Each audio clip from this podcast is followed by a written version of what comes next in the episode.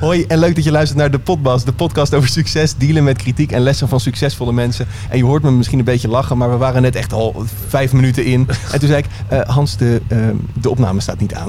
Helaas, ja. Helaas, Nou ja, helaas. Goed, gelukkig na vijf minuten. Had Zeker. ook na een uur kunnen zijn. Zeker, die wint voor jou. Ja. Die, eh, die, die hoor ik nu heel erg mee. Is, is die waaier altijd mee? Is dat, ja, dat is natuurlijk, ho- hoort wel bij het image. Hè? Ja. Dat is ook een stuk ondernemen. Maar ik zet hem nu wel even uit. Ja.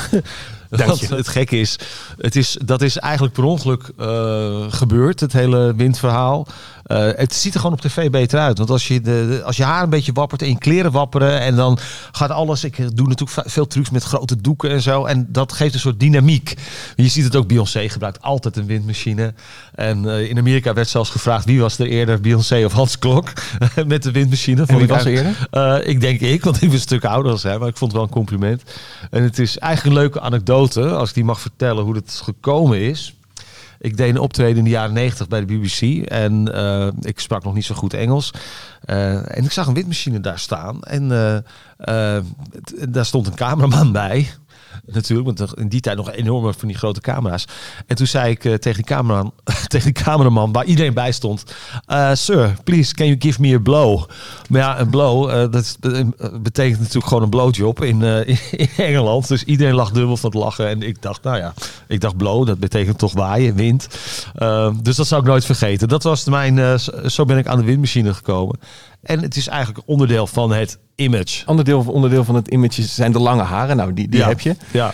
Maar met die blouse ook. Veel mensen die proberen jou na te doen altijd. Maar hoe ver moet die blouse nou open? Ik heb er eentje aangedaan. Hoe ver moet die open? Ja, je mag hem eigenlijk tot je navel. Oké, ik ga- ik ga open doen. Ja, Ja, ik ga open oké, doen, ja. dan ga je er wel voor, toch? Ja, oh. Zo, maar dat is wel... Ik heb nog nooit mijn blouse zo ver open gehad. Eh, ja, dit is eigenlijk wel de, De Hans Klok methode, ja. de Hans Klok Nou, methode. top. En Eva Jinek zei, eh, kondigde mij een keer aan in haar programma. Ze zei, de man die als enige zijn blouse tot zijn navel open mag hebben, eh, die dat legaal mag, is Hans Klok. Dus dat vond ik wel leuk. Volledige naam, Johannes Franciscus Catharinus Klok. leeftijd, 52, beroep, illusionist, entertainer. Bekend van, live optredens, televisieoptredens. Ehm record aantal optredens als illusionist in Carré. Zes maanden in Carré gestaan, zes maanden lang elke dag in zes jaar tijd. Dus dat is wel een flink record. Eh, bekend van eh, radio en televisie. verliefd, verloofd of getrouwd. Altijd verliefd. Dit is de slechtste illusie die ik ooit heb gedaan. Moest ik een grote truc laten verdwijnen, eh, verschijnen. Een vrachtwagen is natuurlijk ook een truc. En eh, dat hadden we groots aangekondigd. Eh, Hans Klok gaat zijn grootste truc doen ooit. Maar dat sloeg op dat die, truc, die, die, die vrachtwagen zo groot was. Dat vond ik eigenlijk wel mijn slechtste truc ooit. Want we hadden de pers eigenlijk op verkeerde been gezet. En die waren een beetje, ja, die waren, waren daar niet blij mee.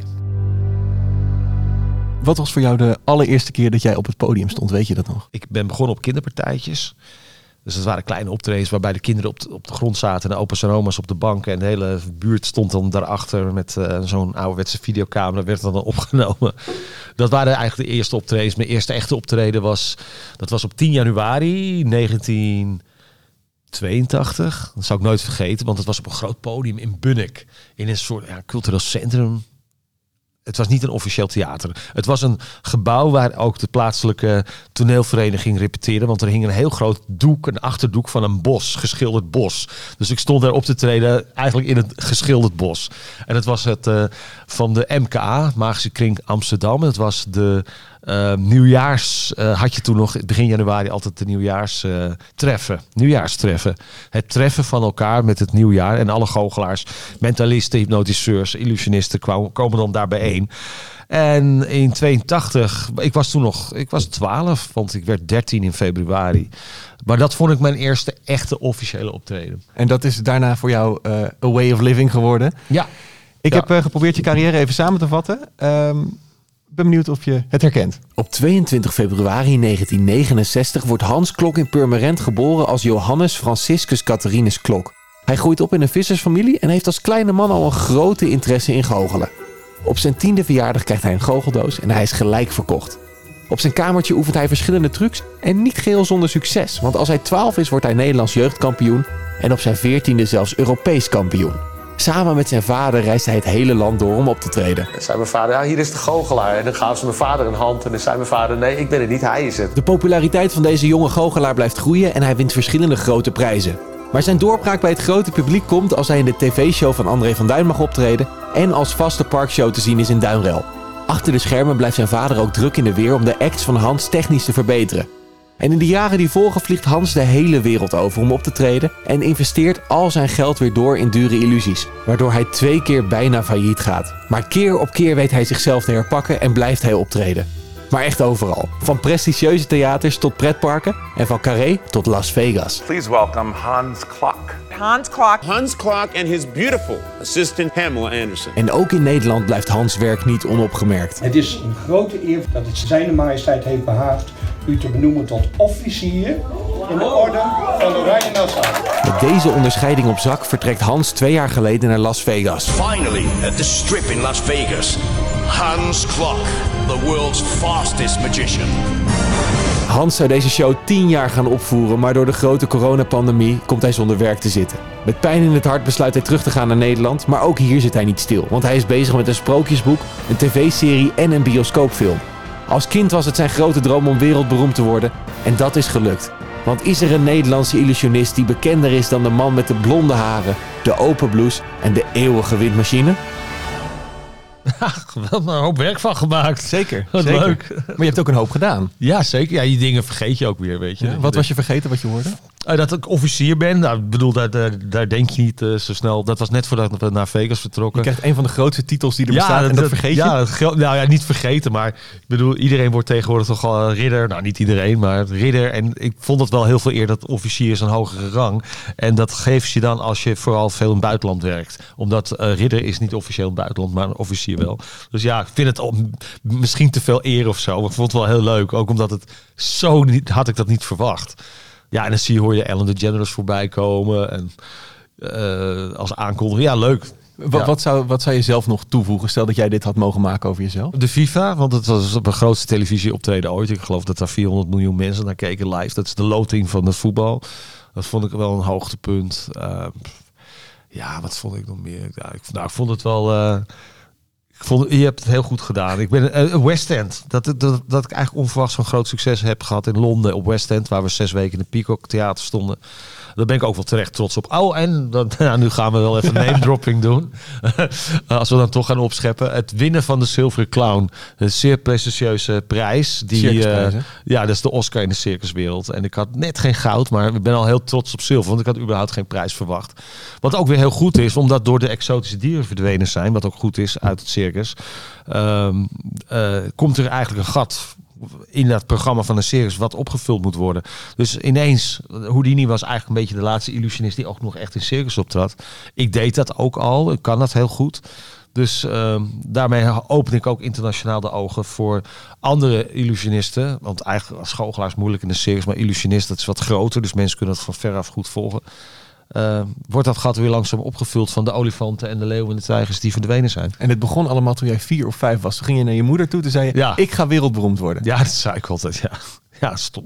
Ja. En het rare is, op een gegeven moment was ik daar niet meer mee bezig, want ik wilde gewoon het ambacht heel goed beheersen. En ook, ehm, het is echt, goochelen is echt een ambacht. Daar moet je dag en nacht mee bezig zijn. Dat vind ik heel leuk. Toen dacht ik, nou, als ik maar in mijn levensonderhoud kan voorzien, dat ik geen baan hoef te doen, dat ik me daarvan mijn huur kan betalen, dan zou ik al heel zou ik geslaagd zijn, zeg maar. Ja. Dus dat, dat waren mijn eerste stappen.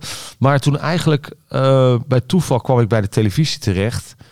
En eh, die bekendheid zorgde weer dat mensen naar je show wilden komen, waardoor je kaartjes kan verkopen. Als je theater in gaat, moet je eigenlijk wel bekend zijn, omdat het anders heel moeilijk is voor de marketing Ja. om mensen duidelijk te maken wie je bent. Dus toen, nou ja, toen. En dat eigenlijk dat hele marketingverhaal vind ik een van de leuke kanten van het beroep. Dat je goede foto's moest hebben, dat je een commercieel optreden moest doen, wat een groot publiek zou aanspreken. Eh, ik ben natuurlijk groot geworden in het snabbelcircuit, dus dan, eh, dan had je eerst Ben Kramer en dan kwam eh, Anita Meijer en dan kwam Hans Klok en dan werd afgesloten met uh, Of Geert Joling. Uh, ja, als je dan tussen dat soort muzikaal geweld staat, begreep ik wel dat mijn act ook al bombastisch moest zijn. En dat mensen ook met een flinke borrel op toch nog zouden kunnen volgen wat, uh, wat het, het mirakel was wat ik liet zien. Dus Ja. dat had ik allemaal al snel door. Wat was je allereerste snabbeltje?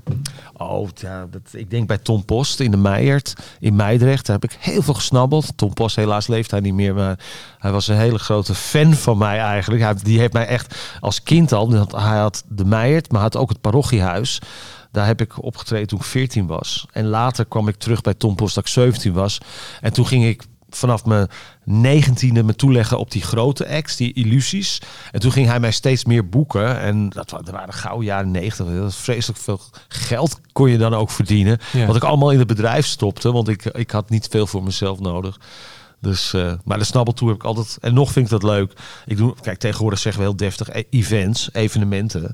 Maar snabbelen is een Joods woord. Maar het komt van het feit dat een, een artiest staat in theater. Een Karin Bloemen staat in theater. Maar ze staat ook wel eens ergens in een club... eh, omdat iemand een verjaardag viert, staat een verjaardagslied te zingen. Ja. En daar komt het woord snabbelen van. Van dat pak je nog even mee. Maar het is gewoon officieel. Het is allemaal wit helaas. Vroeger dan had je ook nog wel wat zwarte klussen.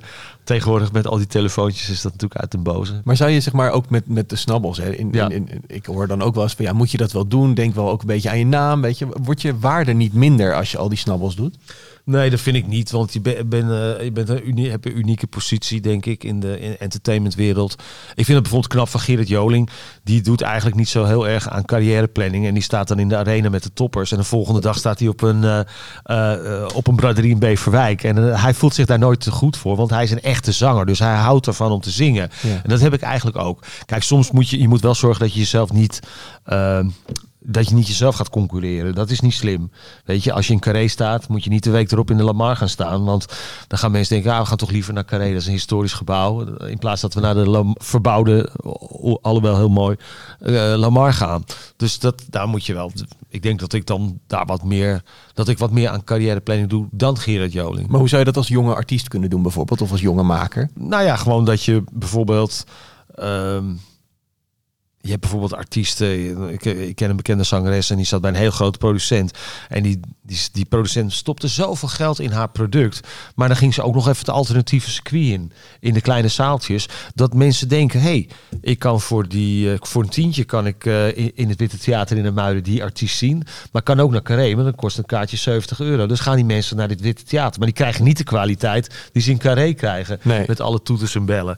Dus daar moet je dus altijd oppassen. Ehm, ja, ik vind het heel moeilijk hoe je nu aan de bak zou moeten komen. Kijk, de nieuwe generatie weet weer alles van TikTok en Instagram. Mijn generatie is daar totaal bij ingeslapen. Heeft geen idee waar dat over gaat. Nee. Terwijl dat nu de manier is. Eh, Coca-Cola en Heineken kijken niet meer of je, hoe beroemd jij bent. Of hoeveel tickets jij verkoopt. Of hoeveel platen als je zanger bent eh, of zangeres hebt. Ze- Ze kijken alleen nog maar naar je Instagram. Ja. Of je wel een half miljoen eh, volgers hebt. En Ja. eh, zo niet, ben je al niet interessant. Nee, dus eh, volgens jouw eigen redenatie ben jij totaal niet interessant. Nee, niet, eh, ik heb, zit nu op de 13.000 volgers. Maar ik ben er pas mee begonnen. Nou, een goed jaar. Ehm, het is ook heel grappig hoe dat werkt. Dat, dat is voor mij een mysterie. Want je kan hele leuke dingen erop zetten. En dan heeft het heel weinig likes. En je zet iets stoms, heb je heel... Ik denk dat de Instagram dat zelf ook heel erg beheert. En die, hou, die houdt mij even op hold. Die, die daagt mij even uit. Ja. Tot ik, eh, maar ik vind het ook niet echt heel leuk als ik heel eerlijk ben. Want elke dag denk je, fuck, wat moet ik er nou weer op zetten? Ja. En zoveel dingen van jezelf vind je helemaal niet interessant. Nee. Want eh, ja, daar ben je gewoon niet mee bezig. En vroeger had dat toch wat meer de media wat mystiek. Hè? Je ziet ook andere grote mensen, bijvoorbeeld Grace Jones. Zeker in mijn uit mijn, dat was heel, die was een popidool, heel groot. Die heeft heel weinig volgers, omdat zij dat niet voedt. Maar zij is wel een mythe, weet je. Ja. Ik, ik zou van haar wel wat willen weten. Maar ze geeft niks toe, ze geeft niks weg. En daardoor blijft ze die mythe. En op Instagram tegenwoordig moet je... Je moet zoveel laten zien. We zijn nog alleen. We, we leven in een tijd dat we allemaal zo met de buitenkant bezig zijn. We zijn alleen maar bezig dat een ander ziet dat ik een cappuccino drink in het Amstel Hotel. En dat is dan zo belangrijk. Het- Ik vind het allemaal wel een beetje. Ik vind het ook niet leuk dat. eh, eh, ik ben fan van de Pointer Sisters. Nou, dat zijn dan mijn Facebook-vriendinnen geworden. Eigenlijk is dat niet leuk. Omdat het zo dichtbij komt. Nee, dat zijn toch de Pointer Sisters, weet je. Die daar, daar mag je een keer mee op de foto als je in Ahoy staat. Maar verder moet dat niet aanraakbaar worden. Nee. Dan gaat die, de, de, de, de legende weg, vind ik. Gaat eigenlijk de, de, de glans van het sterrendom Ja. af? Ja, eigenlijk wel, Ja? vind ik wel. Ervaar je dat zelf ook zo? Dat mensen minder tegen je opkijken dan eerst? Nou, dat niet, want eh, daar ben ik niet mee bezig. Maar ik bijvoorbeeld het verzoeken die je krijgt, daar word ik helemaal gek van. Dat elke ochtend, hi Hans, eh, mijn vader wordt 50 en hij is een grote fan. Als dat zo, en dan gaan we weer. Dan ga je weer met je telefoontje. Nou Henk, gefeliciteerd, hè? dit heb je dochter geregeld. Maar het is, ik krijg het zelfs op een beetje, zeg tegen mijn vriend, ik moet er nog acht doen vandaag. En daar heb je een beetje stress van. Dan moet ik het weer opsturen naar een e-mailadres of denk ik, hoezo, weet je? Ja. Ik ben zo fan van zoveel mensen eh, geweest en nog. En eh, het, ja, het wordt... Mensen vinden het ook raar als je het dan niet doet. Als je een keer zegt, nou, pff, ik krijg zoveel verzoeken. Ja. Dan ben je weer gewoon een arrogante eh, bal, weet je. Dus Ja. ik vind dat wel eens lastig. Maar jij wilde wereldberoemd worden, dan krijg je dat. Ja, maar ik vind wel, ik vond altijd wel een beetje leuk de afstand die er was tussen de artiest en het publiek. En dat jij hun ook een soort beeld kon creëren van wat het was. Want bij Hans Klok denk je, nou, een soort James Bond. Hè? Die man die loopt altijd met, eh, met die blouse tot zijn navel open en die wapperende haren. En Ja, ik kan het je aanraden. Ik heb, ik heb een koude borst ondertussen. Ja, maar het is gewoon een, een soort van ehm, ehm, eh, mythische figuur. Maak je. je maakt er zelf eigenlijk een soort stripfiguurtje van. Dat groeit langzamerhand. En dan op een gegeven moment denk je, oh, iedereen vindt het leuk, dus dan laten we dat maar zo. Ehm, ja, ik vind het eigenlijk, vond het leuk dat, het, dat mensen dat zo denken. Die hebben geen idee dat ik... Eigenlijk ben ik altijd aan het werk. Ik ben altijd aan het knutselen. Altijd nieuwe acts aan het maken. Ik ben altijd muziek aan het componeren. Of ik knip muziek. Ik ben altijd met kleding bezig. Ik ben ook heel handig eigenlijk. Van, vooral van mijn vader heel veel geleerd. Eh tekst aan het schrijven. En als ik er niet uitkom, dan bel ik Sarah Kroos. Of dan bel ik... eh, eh, Karin Bloemen bijvoorbeeld. Uh, nou ja, zo zijn er heel veel mensen, uh, een soort heel leger leak om mij heen, die mij altijd en iedereen helpt elkaar ook. Dat gaat allemaal zonder betalingen. En, Ja. uh, Is dat belangrijk, zulke mensen om je heen verzamelen? ja, zeker, want die- ik ben heel erg een teamspeler. Ik hou niet van alleen zijn. Nee. Ik ben ook nooit alleen geweest. In mijn leven ook niet. Vind ik ook niet leuk. Dan ga ik alleen maar de kroeg in en dat moet ik maar niet doen. Ik hoorde ooit iemand zeggen, Hans heeft die aandacht ook nodig. Als hij dat niet doet, dan pakt hij zelfs nog een snabbel op een biljarttafel. Ja, dat weet ik eigenlijk niet. Ik heb dat minder dan Gerrit Joling bijvoorbeeld. Eh, ik heb niet het hoogste woord op een verjaardag. Nee. Dat heb ik niet, nee. Je bent blij dat je even zit dan. Ja, ja dat, eh, ik vind het heel leuk om op te treden. Maar ik ben niet zo publiciteitsgeil als eh, André Hazes junior. Of eh, die, de- die, volgens mij telt hij wel echt de, de, de covers. ja, die zijn, maar die leven daar ook helemaal voor. Ook dat Ja. privéleven is één drama en het wordt met iedereen gedeeld. Ja. Weet je, dat, dat zou ik niet zo snel doen. Maar dat is ook een volkszanger, weet je. Dat Ja. volk wil dat ook. En ik vind het fantastisch met André Haas bijvoorbeeld... hoe hij zijn carrière neer heeft gezet. En geweldig gedaan, weet je. Maar dat je dan... En hij zegt het ook heel erg. Hij zegt heel eerlijk, als ik geen aandacht krijg... dan zorg ik dat ik de aandacht krijg. Ja. Vind ik wel weer heel eerlijk. Maar dat zeggen mensen ook over jou. Ja, maar dat vind, ik- dat vind ik niet zo. Nee? Ik ben wel heel erg ehm, van... Ik ben heel ver gekomen en nu ga ik door ook. Ja. Weet je, want ik vind me eigenlijk vind ik dat ik heb in heel veel landen nog niet opgetreden. En ik wil nog heel veel veroveren. Ik ben nu heel erg met, op mijn televisie. Ik ben eigenlijk met een nieuwe carrière begonnen, een tv-carrière. Maar het is ook vooral dat ik het ambacht heel leuk vind. Ja. Ik zou niet een, een artiest willen zijn dat het alleen maar image is en dat Nee. hij eigenlijk niks kan. Er zijn er heel veel. Dus jij wil image hebben en wat kunnen. Ja, maar Ja. dat vind ik ook bijvoorbeeld eh, Jeroen van der Boom. Die kan echt heel goed piano spelen. Als hij een liedje hoort, kan hij het gelijk spelen. En hij kan goed zingen. En hij is een entertainer.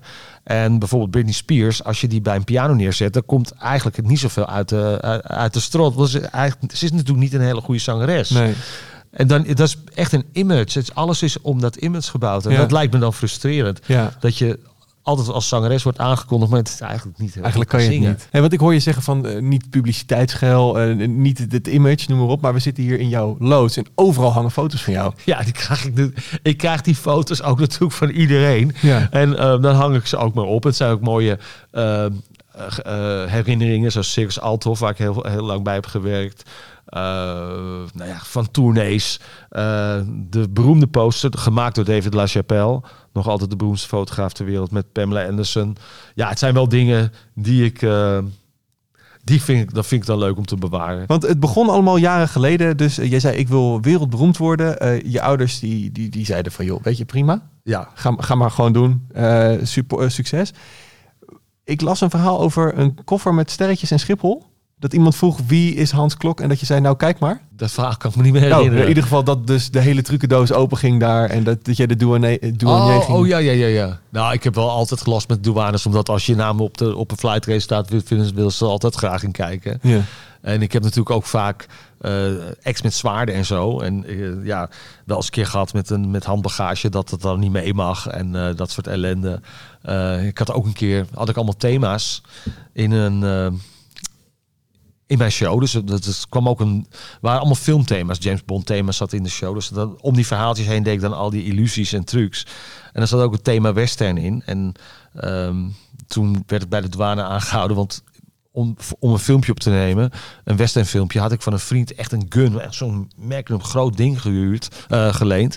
En die had ik nog in mijn tas laten liggen. Dus ik kwam echt, ik moest naar Londen ook voor televisie. En eh, gewoon doet er waren er komt echt zo'n pistool uit, weet je. Ik denk, oh fuck. Dan is het wel weer heel fijn dat ze je herkennen. Ja. En dan kun je het eruit lullen dat je dat nodig had voor een act. Jouw kamer vroeger, dat was de war, ro- eh, war room, zeg maar. Daar begon het allemaal. Ja, hè? daar allemaal, werden ja. die ideeën bedacht. Dat was denk ik deze loods, maar dan in het klein. Ja, Er mocht niemand naar binnen. Hoe, Nee, hoe, mijn kamer- hoe, hoe was die kamer van Hans? Dat was in, eh, in de Spuistraat in Purmerend. En ik had een bordje op mijn kamer, verboden toegang. Het was ook echt zo, want niemand mocht in mijn kamer. Want daar had ik al die trucs staan. En ja, trucs waren allemaal trucjes uit de goocheldoos. Ik had het geluk dat in mijn jeugd was eh, Hans Kazan heel veel op tv. Die brak net door in het programma Renje Rot van Martin Broosjes. En eh, hij werd dan altijd door Martin Broosjes uitge, aangekondigd als... En dan nu de man die alles kan, Hans Kazan. Nou, dan kwam Hans Kazan en dan deed hij een trucje. En dan deed, eh, die legde hij uit. Eh, dus ik goed opletten, aantekeningen maken. Was nog voor de videorecorder bestond. En dan liet hij nog een trucje zien. Hij zegt, maar als je die wil weten, moet je volgende week weer kijken. Dus ik heb als kind echt 200 afleveringen Renje Rot zitten kijken. Waardoor ik aan mijn eerste repertoire kwam. Nou, dan maakte ik die trucjes. En dat was allemaal in mijn kamer. En er mocht gewoon niemand bij, want het was geheim. En, eh, ja, als kind ben je, leef je zo wel. Ja, en Dat wat voor ook trucjes lagen er? Ja, allemaal kleine dingen met kaarten en met een flesje met een toverstokje wat, om, wat eruit kon zweven en zo. Echt, het waren echt leuke beginnerstrucs eigenlijk. En je was redelijk open ook over die droom. Hè? Thuis zei je, Ja. ik word wereldberoemd. Je hebt je eigen je kamer. Maar op school was het toch een beetje een dingetje. Hè? Van, eh, dat was niet stoer, goochelen. Het was niet stoer, het was helemaal niet hip. Nu is goochelen best wel hip. Hè? In Amerika staat het in de top 5 van hobby's. Iedereen is daar aan het goochelen, dus dat is heel leuk. Eh, maar in mijn tijd was het echt niet hip. Als je het woord goochelaar, dan dacht je echt aan een man in een rokkostuum met een konijn uit een hoge hoed en, eh, en een oude vrouw die zijn assistente was. Dus ik heb eigenlijk al heel vanuit mijn jeugd gedacht van nee, wij zijn de nieuwe rockstars. We moeten dat gewoon, we moeten het heel anders gaan benaderen. We moeten snelheid in en we moeten er flitsend uitzien. En eh, ja, Maar uiteindelijk ben je een van de weinigen die dat op deze manier zo groot heeft gemaakt. Toch? ja, ja, ja, dat is wel ja, dat is heel raar. Ja. Maar hoe kan dat? Ja, dat weet ik zelf eigenlijk ook niet. Hoe de, ik vind heel veel mensen toch een beetje lui. Want je moet gewoon wel vroeg je dag beginnen. Als je een agent belt die een optreden voor je gaat regelen, moet je die gemiddeld zo om tien uur 's ochtends bellen. Dat is de beste tijd. En ik zie heel veel mensen, creatieve mensen, ja, die staan, staan een keer om één uur 's middags op.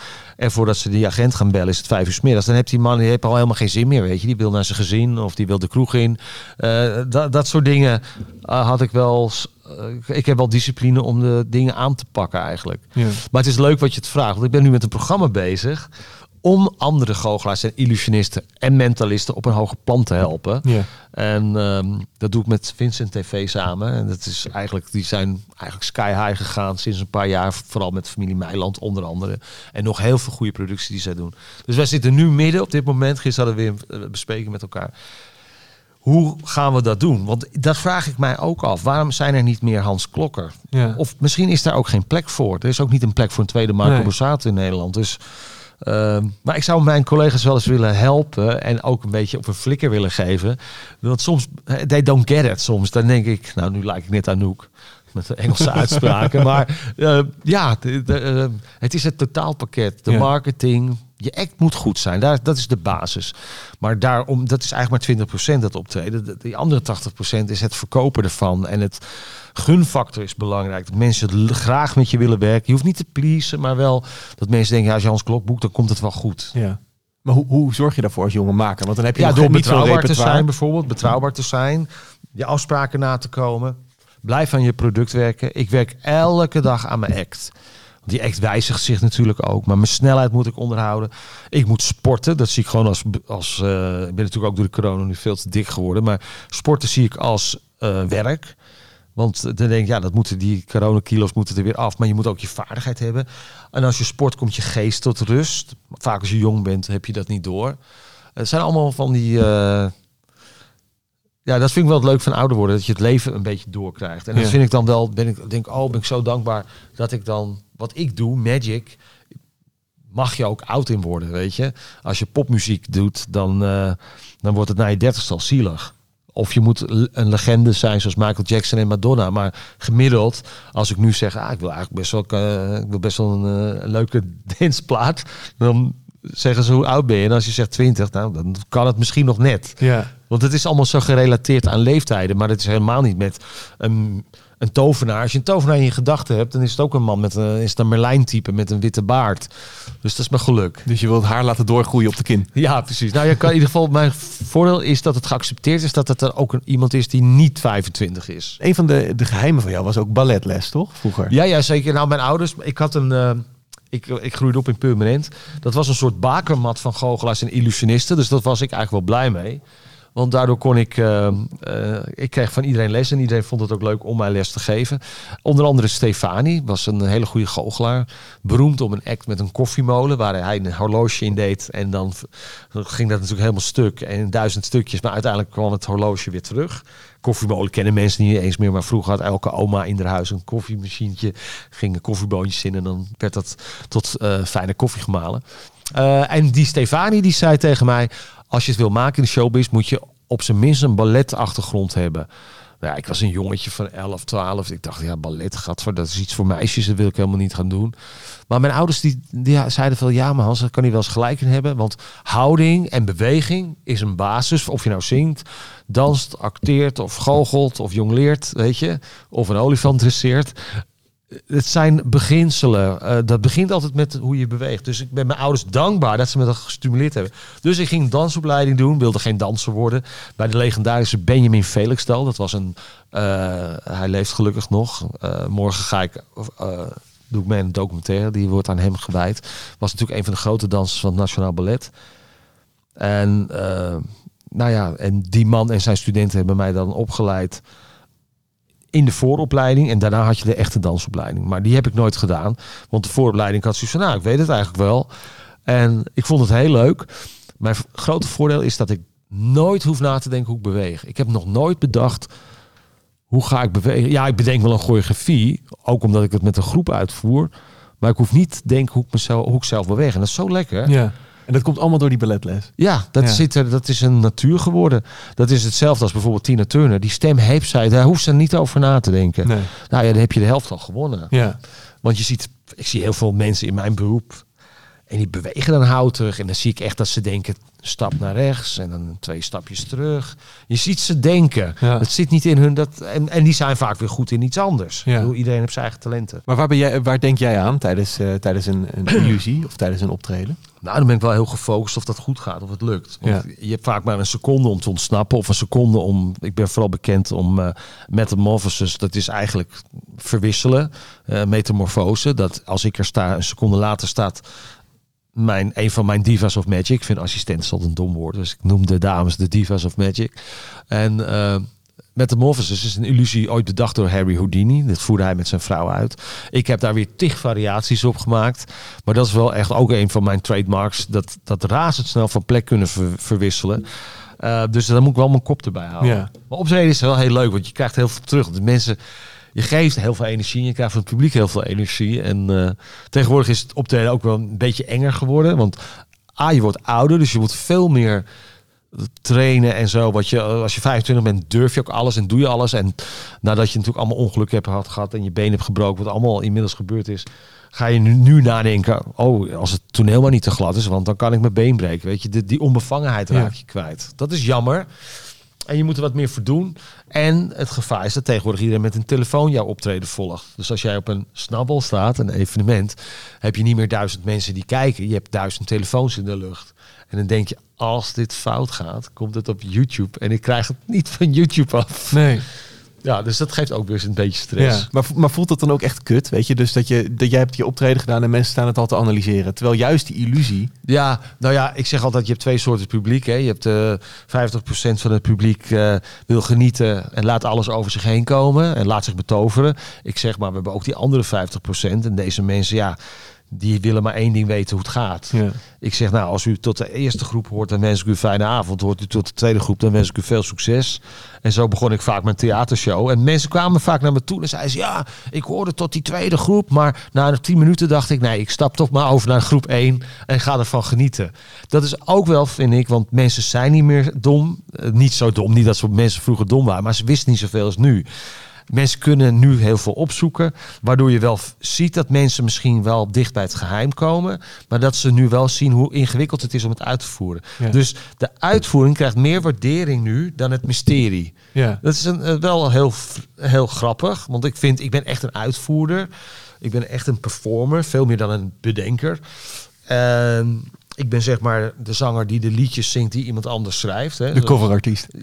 Nou ja, bijvoorbeeld Marco Borsato schrijft niet zelf zijn liedjes. Dat doet John Eubank. Bank. En in mijn geval heb ik ook een team die veel voor mij bedenken.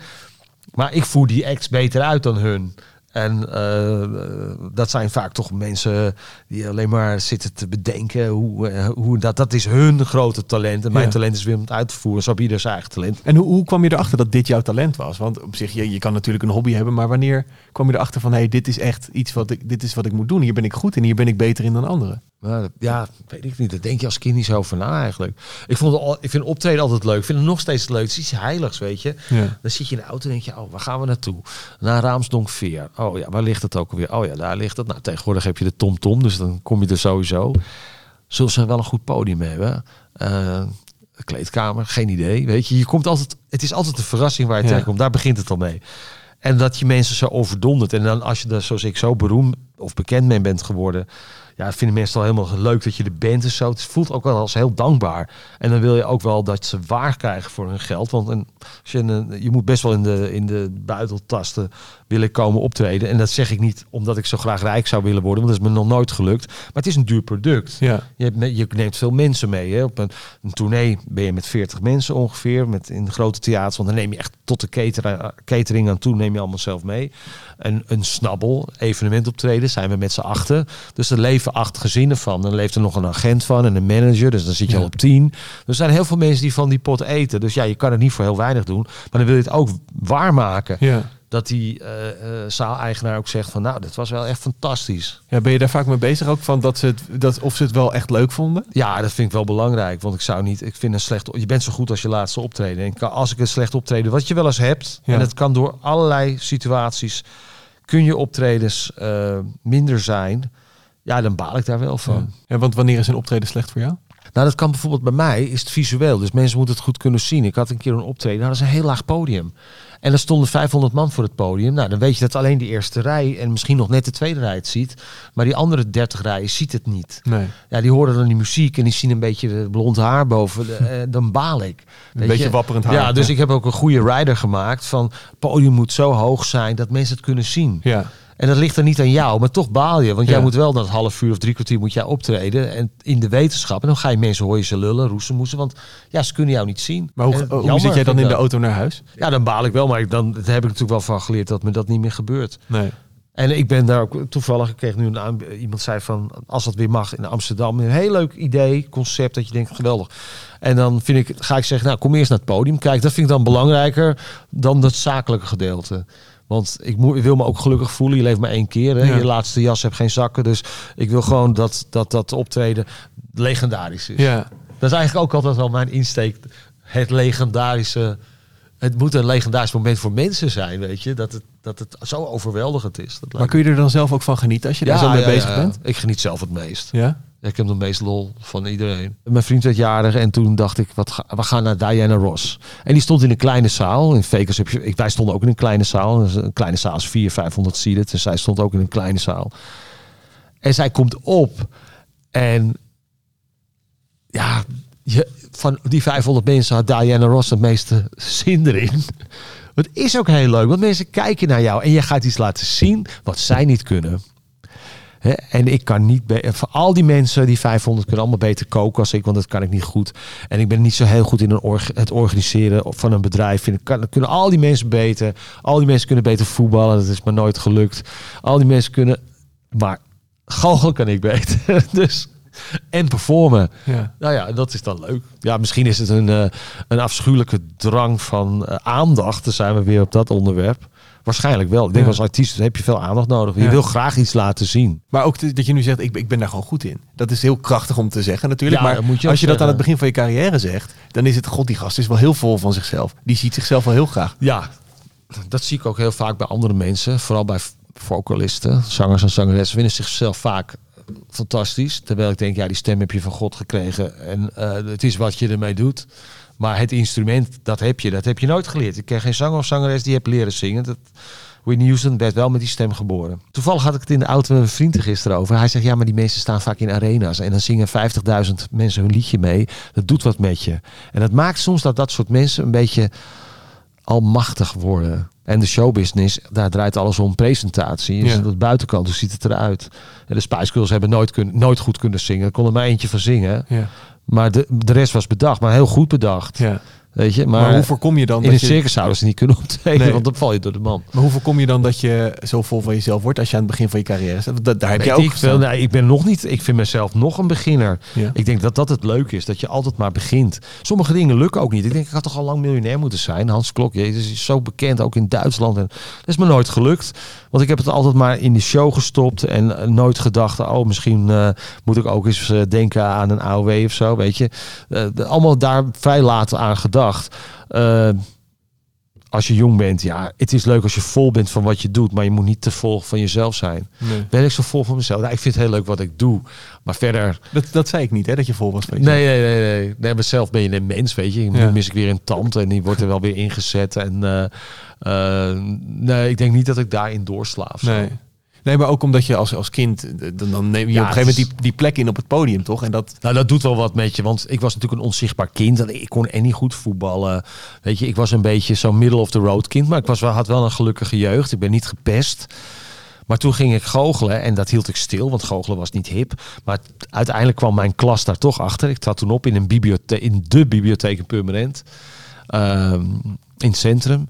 En ineens zat mijn hele klas vooraan. Ik dacht, oh nee, weet je. En ik had zo'n fluweel pak aan. En dat had mijn tante gemaakt. Tante Mar had een fluweel pak gemaakt. En met, een, met van die roesjes. Dat we hadden bij een gordijnwinkel eh, een stukje gaas gekocht. Had ze roesjes gemaakt. Strik bij Tip de, eh, Tip de Bruyne eh, op de Nieuwe Dijk gekocht. Veel te groot voor een kind natuurlijk. Lakschoentjes gekocht op de markt. Albert Kuip. En daar zat mijn hele klas. Dus ik kwam in één keer op. En die kinderen allemaal, yeah, Hans, we zijn er. Die vonden het helemaal leuk. En ik liet wat zien. En dat was voor het eerst dat ze zeiden: Hé, hoe doe je dat? Ja. Dus ineens werd ik zichtbaar van een onzichtbaar kind waar niemand die niemand zag slaan. Ik werd als laatste, want ik was slecht in sport, laatste gekozen voor voetbal en voor alles. Nou ja, Hans. Maar ik had. Ik had wel vriendjes en vriendinnetjes en ik was, werd absoluut niet gepest. Nou, Hans moet ook bij. Ja, nou, nemen jullie Hans, dan nemen wij, die, nemen wij dat meisje, want voetballen kon ik echt niet. En dan mocht ik bij die andere ploeg. Dus, eh, maar ineens kon ik iets wat ze niet konden. En ineens werd ik wat interessanter. maar hoe ga je er dan mee om? Dat je En ineens dat is verslavend. Ja. Dus dat is natuurlijk een soort drug. Drug, drug, drugs. Dat is, dat, ja, het is verslavend gevoel dat je denkt, oh wat leuk, ik heb succes. Mensen zien mij ineens. Ja. Dan denk je, nou dan ga ik, dan ga ik nog daarin beter in worden. Ja. Dat, eh, maar hoe je daar niet in doorslaat, ja, dat weet ik niet. Nee. Ik denk dat het bij mij wel een echt ambacht is. Dus je moet echt elke dag dat bijhouden, elke dag daaraan werken. En je hebt ook mensen die beroemd worden met iets wat puur talent is. Bij mij is het, ik heb wel talent, maar ik heb meer talent. Ik heb een klein beetje talent, maar ik heb heel veel talent om met dat kleine beetje talent om te gaan. En ik zie mensen vaak met heel groot talent, maar die hebben nul talent om ermee om te gaan. Nee. En dat zijn ook altijd die mensen die gefrustreerd zeggen op hun veertigste van ja, ik ben nooit ontdekt of zo. Je wordt niet ontdekt. Dat, niemand wordt ontdekt. Je bent er al. Je moet jezelf in de kaart spelen. Aan de bak. Pak die telefoon. Jij vindt het moeilijk om te bellen. Dan ga je even oefenen met je broer of je zus. Hoe je dat doet. Verkoop jezelf op een sympathieke manier. Zorg dat die kwaliteit er is. En zorg dat je opvalt. Ja, en je moet... En, en een dosis geluk ook. Ik Ja. heb heel veel geluk gehad. Ik heb ook heel veel pech gehad. Ik ben twee keer bijna fiets geweest. Maar ook heel veel geluk gehad. Ja. Iemand die er voorbij staat is God. Ook, ja, ja, Ja. zeker. Ja, Ja. hoor. Ja, Want ik hoorde het je net al zeggen, dat is een stem die door God gegeven is. Ja, dan geloof ik dat je dat Ja. meekrijgt. Ja, dat ieder, wat, iedereen krijgt wat mee. Ja. Nou, dat vind ik allemaal zo'n mysterie. De hele religie en eh, ehm, de dood ook vind ik ook zo'n mysterie. Maar ik geloof wel dat, eh, ja, ik geloof in God en dat die dat wel, nou, jij krijgt een beetje van dat en jij krijgt een beetje van dat. En daar moet je het wel mee doen, weet je. Sommige mensen ontdekken dat in hun hele leven niet. Nee. Sommige mensen leven zo passief. Die ondernemen helemaal niks. Die vinden het werk niet leuk. Die vinden het eigenlijk het gezin wat ze hebben niet leuk. Dan hebben ze hun schoonfamilie haten ze. En zo worden ze maar ouder en ouder en ouder. Dan gaan ze op een dag dood. En denk je, het leven is zoiets moois. Dat mag, je mag het leven, weet je. Ik vind, ik vind het nu al, elke dag heb ik wel een moment dat ik denk, vind het zo jammer dat het een keer eindigt. Ja. Ja, ik zie je ook helemaal opleven gelijk Ja, als je nou, dit vind jammer. Ja. Ik heb net mijn, mijn, mijn lieve Nathalie, daar eh, hangt ze met de zwarte kleding. Ja. En die is, die is maar 44 geworden en zo ziek geweest. En zo'n artieste, zo'n... En dan een eh, goede moeder, goede echtgenote. En het is er dan allemaal niet gegeven meer. Nee. En eh, dat, ik rouw om haar, maar tegelijkertijd drink ik nog steeds lekker een kop koffie. En ga ik lekker naar buiten het strand op. En is mij dat nog gegeven en haar niet meer. Nee. Maar waar zij is, zij is daar nu al. En da- daar zal ik haar misschien ooit nog treffen. Haar dood heeft natuurlijk zo voor mij dat corona in het perspectief gezet. Dat ik dat helemaal niet. Dan denk, nou ja, dat is maar corona. Ja, het Ja. klinkt heel. Hè, we zijn bijna allemaal failliet. Maar als jij een ongeneeslijke ziekte hebt, is dat onomkeerbaar. Ja, Daar kan je niks aan doen. nee.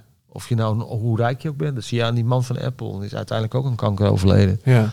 Ja, dus het, het geld maakt eigenlijk, wat je net zei, de laatste jas heeft geen zakken. De laatste jas heeft geen zakken. Dus Is dat eh, ook waarom je alles doorinvesteert de hele tijd? ook. En ik vind ook, eh, dit zijn nog je gouden jaren. Want dit is bij mij wel heel fysiek. Dus ik denk, ja, hoe lang kan ik het nog doen? Ik Mhm. hoop 20 jaar. Dat zou ik wel heel fantastisch vinden. Ook het delen. Het, le- het delen in het leven. Geef dingen door. Daar vind ik het zo leuk dat ik nu met Vincent TV een programma maak om mensen te gaan coachen. Want mensen zouden van mij kunnen leren. Zoals ik zoveel van andere mensen heb geleerd. Ja.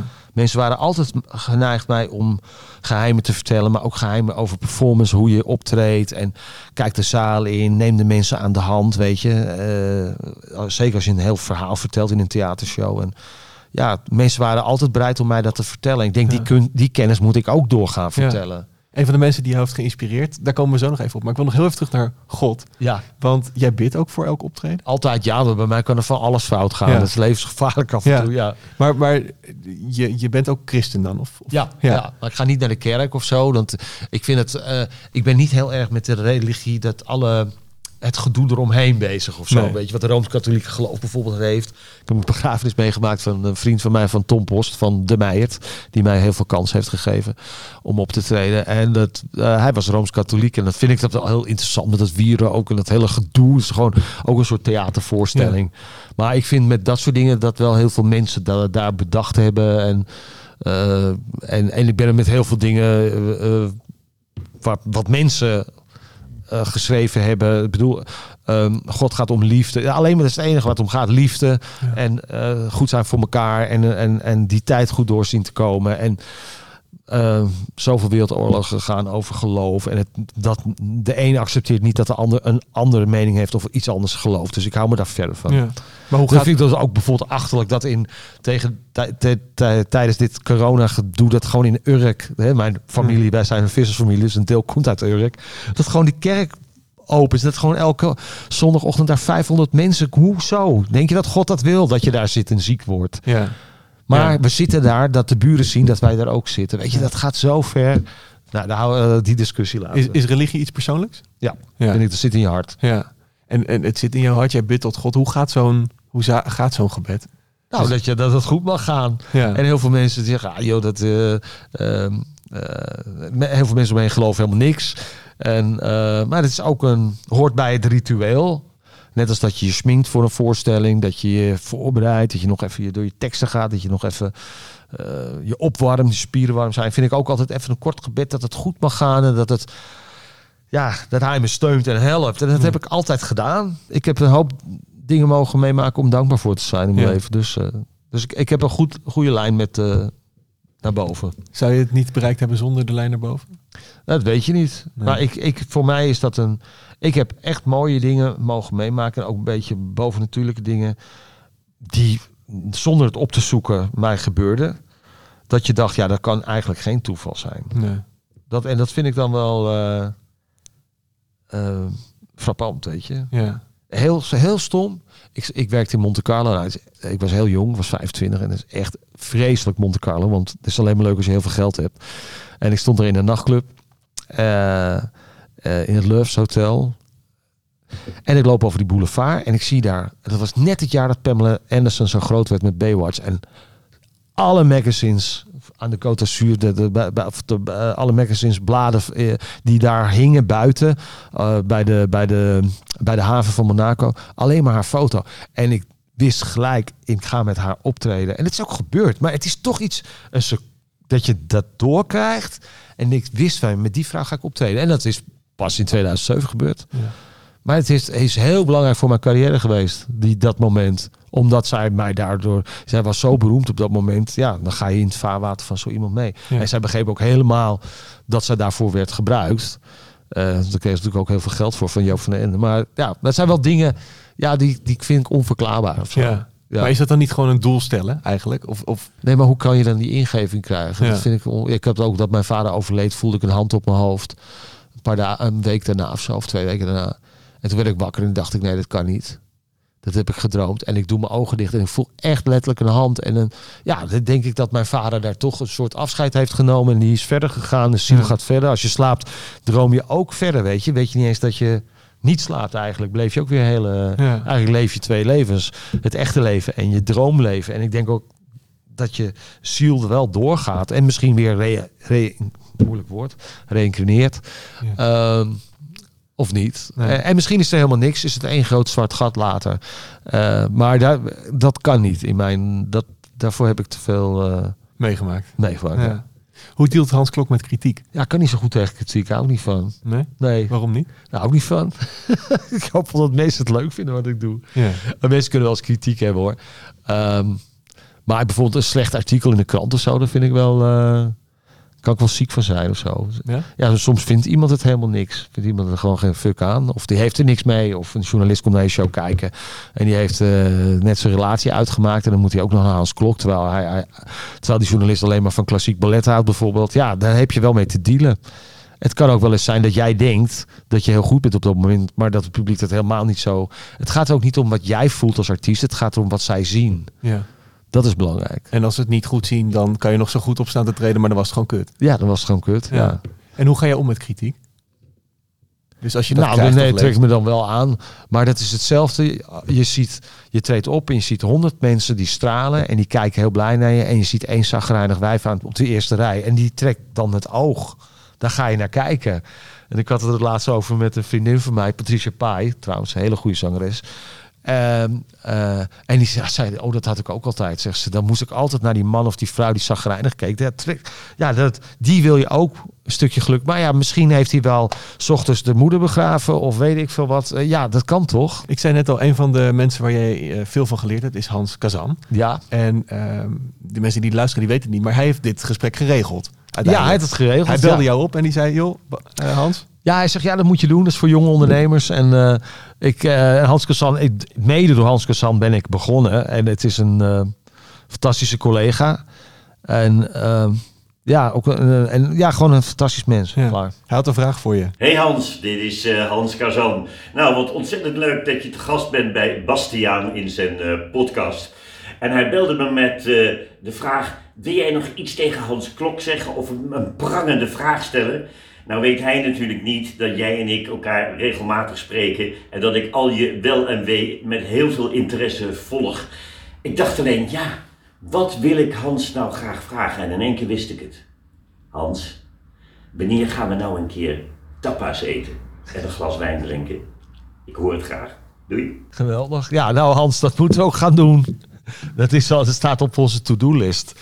Het is heel raar, want we, we zijn wel echt vrienden. Maar we, we, we, hebben nog steeds... We, we zeggen al 30 jaar dat we een keer uit eten gaan. Dus dat moet er ook echt een keer voorkomen. Maar is het dan ook als je nu nog met, eh, met Hans zit, dat je gewoon echt ook nog eh, over het vak hebt? En, en- Ja. en- want het, is, het was toch je grote voorbeeld vroeger. Ja, zeker. En hij heeft altijd wel op- jonge leeftijd heel veel kritiek over zich heen gehad. eh, onterecht. Want iedereen, al die goochelaars stonden op hun achterste benen. Dat hij kleine trucjes, er waren echt kleine trucjes. Ook trucjes die in een goocheldoos voorkomen. Dat hij dat uitlegde. En heeft hij echt doodsbedreigingen gekregen. En toen was hij zelf 25 of zo.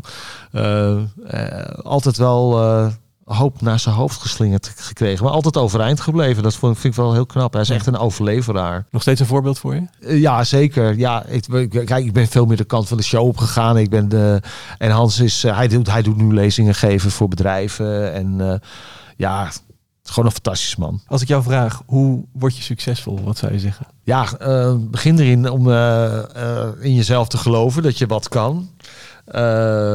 Heb het talent om met wat, het talent wat je hebt om te gaan. Dus heb talent om met je talent om te gaan. Dat is eigenlijk belangrijker nog dan het talent. Ehm, eh, hoe word je succesvol? Neem een goede boekhouder. zeg, wat ik fout heb gedaan, veel in ondernemen, dat ik zei ja, is wel goed. Weet je, dan Ehm, omdat het altijd de sky is the limit. Dus met hele dure stoffen, hele dure schoenen, allemaal handgemaakte schoenen. En dat, pff, op een gegeven moment moet je ook een beetje economisch gaan denken. En ook denken, want dat zien we nu met die crisis. Ik had eigenlijk geen buffer. Ik had niet zoiets van, nou, weet je, ik kan wel twee jaar niet werken en dan kan ik nog steeds alles doen. Dat Mhm. was helemaal niet zo. Dus toen ben ik weer het commerciële bedrijfsleven op gaan zoeken. Ik had bijvoorbeeld een haartransplantatie laten doen, net voordat ik naar Las Vegas ging, dus nu twee jaar geleden. En dat was heel goed gelukt. Ik, had, ik, had- ik heb fantastisch haar, maar het ging een beetje te veel Mhm. omhoog. Dat had mijn vader ook. Dus ik had dat laten doen in Amsterdam. En toen in één keer vanaf eind maart, de geldkraan ging dicht. Ik had geen piek meer. Ik zat in een Las Vegas. Dus ik bel eh, die man op, die, dat, die dokter. Ik zeg, als je ooit een ambassadeur nodig hebt. Ik zeg, dat is zo goed bij mij gelukt. Hij zegt, nou, we zijn net klaar met Gerrit Joling. Die heeft het vijf jaar voor ons gedaan. Hij zegt, eh, eh, dat gaan we doen. Ja. Dus het was eigenlijk beklonken. Maar het begint bij mij dat ik denk, geen geld. Dit heb ik laten doen. Maar eigenlijk wil ik daar niet over praten. Want ik vind dat niet chic, weet je. Ik vind dat niet chic. In Amerika zegt iedereen van... Oh, ik heb mijn tanden laten doen. En ik heb mijn facelift. En ik heb dit en dat. Krijgen ze een hele waslijst. Ik vond dat altijd nooit zo chic. Maar nood breekt wetten. En zo'n bedrijf heeft toch een ambassadeur nodig. En ik ben zo bekend om haar. Dus zij waren er heel blij mee. En ik was weer blij, want ik, krijg, ik sta nu op, op de payroll Ja. bij dat bedrijf. Dus eh, Ja, als je jou nu googelt, is dat ook het eerste wat je krijgt. Hè? Die advertentie Oh van ja? dat bedrijf. Ja. geweldig, nou dan is dat gelukt. Dus je sneeuwt nu onder. Ja. onder nou, vind ik voor hun wel leuk, want het is een heel leuk bedrijf. ja. Ik sluit eh, de potbas altijd af met de potbas sticker. Met de vraag waar ga je hem plakken? Oh, ja, ga ik, ja, die krijg ik. Nou, die ga ik ergens op kantoor plakken, denk ik. Of, ik, eh, of hij komt op de Wall of Fame. Ja, dankjewel. Hans, dankjewel. Bastiaan, jij bedankt. Ja, ik, ik, Het ik is vind het koud wel fris. Ik inmiddels. het fris. Ja, ja, ja, doe maar weer dicht. Ik, ik zat halverwege het gesprek al dat ik dacht, poeh, mijn borst wordt een beetje koud, maar ik wilde stoer zijn. Weet ja, je, want ja, jij houdt dit ik al vond het ook koud, daarom heb ik de trui aangetrokken. Beste luisteraars, dit was Hans Klok met eh, Bastiaan van eh Podbast. Eh, wil je dit volgen, wil je eh, jullie kanaal volgen? Dat kan via Spotify en Ja. wat nog meer? Eh, YouTube staat het ook, potbas.nl, daar vind je alles. Oh, geweldig. Nou, Ja. luister, want dit was de 35ste, toch? Ja, de 35ste. En die andere 34 staan nog steeds op het kanaal. Inderdaad, onder andere Arjen Lubach, ehm, Frank Lammers, Sylvana Simons, Carrie Slee en Hans Kazan. En Hans Kazan. Ja. Geweldig. Ik ga de andere ook even luisteren. Want dat vind ik, eh, ik vind podcast geweldig. Eh, ik sport veel. Ik doe veel hardlopen. Maar eh dan zet ik er eentje op en dat vind ik leuk.